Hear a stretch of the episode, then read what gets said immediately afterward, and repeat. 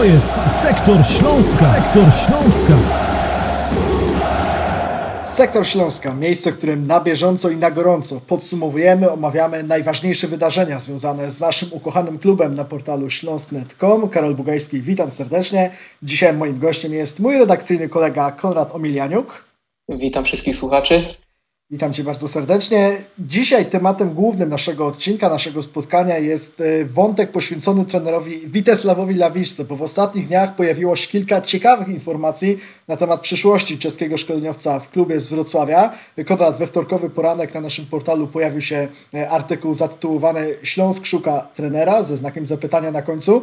No i właśnie, jaka była Twoja pierwsza myśl, kiedy dowiedziałeś się, że e, portal meczyki.pl, a, a myślę za nim poinformowaliśmy o tym, że jest taka możliwość, pojawiła się taka plotka, że Śląsk Wrocław może szukać następcy trenera Witesława Lawiczki? No była to na pewno, jest to ciekawa informacja. Sami też dużo debatowaliśmy również na łamach Śląsknetu w różnych artykułach nad obecną sytuacją, z której no, przebijała się jedna główna myśl, że tej drużynie ewidentnie potrzeba jakiegoś bodźca, Mm, no bo jest tam, jest tam zastój i generalnie Śląsk był w stagnacji, no dalej jest, choć już mecz z Wisłą był może małym krokiem naprzód, szczególnie pierwsza połowa. No nie spodziewałem się natomiast, że ten bodziec przyjdzie ze strony mm, samego prezesa Śląska Wrocław, ale to może i dobrze, może sam zobaczył jaka jest sytuacja. Spodobało, podoba mi się to o tyle, że Mm, prezes trzeźwo ocenia sytuację, zobaczył, że jest potrzeba reakcji.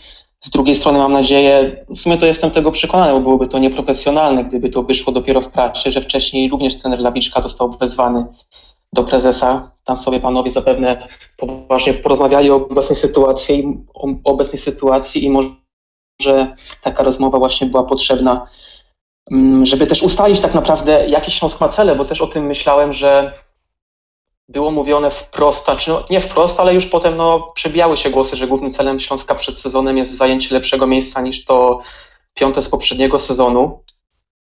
No i tymczasem potem przyszło to stawianie na młodzież i tak naprawdę dla mnie to nie były cele sobą zbieżne.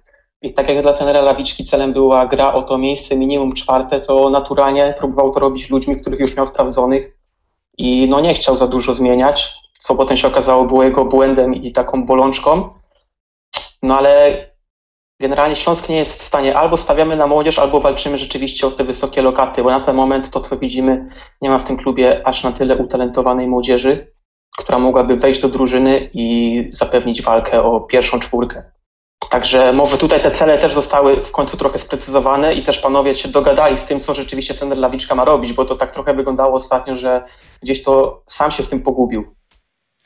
Wspomniałeś o prezesie Śląska Wrocław, panu Piotrze Waśniewskim, który w przeglądzie sportowym wypowiedział się na temat tej sytuacji, na temat przyszłości trenera Witesława Lawiczki. Wypowiedział się, powiedziałbym, w sposób dosyć zaskakujący. Jestem ciekaw, jak ty na tę sprawę e, patrzysz. Ja sobie zapisałem taki cytat. To, że monitorujemy sytuację innych trenerów, to standardowa rzecz w profesjonalnym klubie, ale jednocześnie przyznaję, że gdyby nie ostatnie wyniki, ale i styl Śląska, to nie robilibyśmy tego. Trener Lawiczka, mam takie poczucie, miał prawo poczuć się chyba trochę mało komfortowo słysząc coś takiego, czy czytając takie słowa e, w ustach e, swojego pracodawcy. Mm. No tak, jest to takie, tak krótkie, małe ostrzeżenie w jego kierunku, dlatego też wspomniałem wcześniej, że o ile to było wcześniej z nim skonsultowane w rozmowie po prostu twarzą w twarz, że no coś tutaj idzie nie w tym kierunku i musimy poszukać rozwiązania, a dopiero potem poszła informacja do mediów, no to myślę, że jest to dobre działanie prezesa, no bo po prostu ten bodziec był potrzebny. No gorzej, jeżeli to rzeczywiście wyszło, wyszło nagle w prasie i trener Lawiczka się dowiedział, że jest ktoś szukany na jego miejsce, niby jeszcze nie od razu, ale coś tam się dzieje, no wtedy też czeski trener jako znany gentleman pewnie takie coś mu się nie do końca spodobało, no ale no chcę wierzyć, że to wszystko było na początek mm, załatwione w wąskim, tutaj zaufanym gronie, zanim ta informacja wyszła do mediów po prostu trener Lawiczka dostał informację, że sytuacja, która jest teraz, nie satysfakcjonuje nikogo. Co akurat dla nas jest dobre, bo widzieliśmy, nie satysfakcjonuje nas jako kibiców, a teraz wiemy też, że nie satysfakcjonuje ludzi w zarządzie, na górze i no, będą zmiany. Wiemy, jaka jest sytuacja Śląska Wrocław na początku 2021 roku. Trzy spotkania, zaledwie jedna zdobyta bramka, e, dwa zainkasowane punkty. Natomiast trener Witesław Lewiczka, pracujący od dwóch lat już ponad w Śląsku, na pewno sprawił, że nie musimy już drżeć o utrzymania, jak we wcześniejszych kilkunastu miesiącach. Dołączyliśmy do ścisłej czołówki ekstraklasy. E, natomiast biorąc tu pod uwagę to wszystko, o czym rozmawialiśmy, czy trener Witesław Lewiczka ma u siebie cały czas taki kredyt zaufania, czy ty wierzysz w to, że on jest szkoleniowcem, który po tych problemach, czy to są przejściowe problemy, to, to jest pytanie drugie, może z tego wyjść. Śląsk znowu może wrócić do e, takiego grania, które nam imponowało całkiem niedawno jeszcze. No u mnie trener Lawiczka ma ten kredyt zaufania duży, gdyż no już z tęsknotą czekałem w Śląsku na takiego trenera po tym okresie no takiego wiecznego marazmu i ludzi, którzy tu przychodzili tylko na chwilę i tak naprawdę nie było widać w tym żadnego zamysłu w dłuższej perspektywie. Pojawił się trener Lawiczka, który no, z początku oczarował nas wszystkich. Teraz ma kryzys, ale wciąż uważam, że jest w stanie z niego wyjść.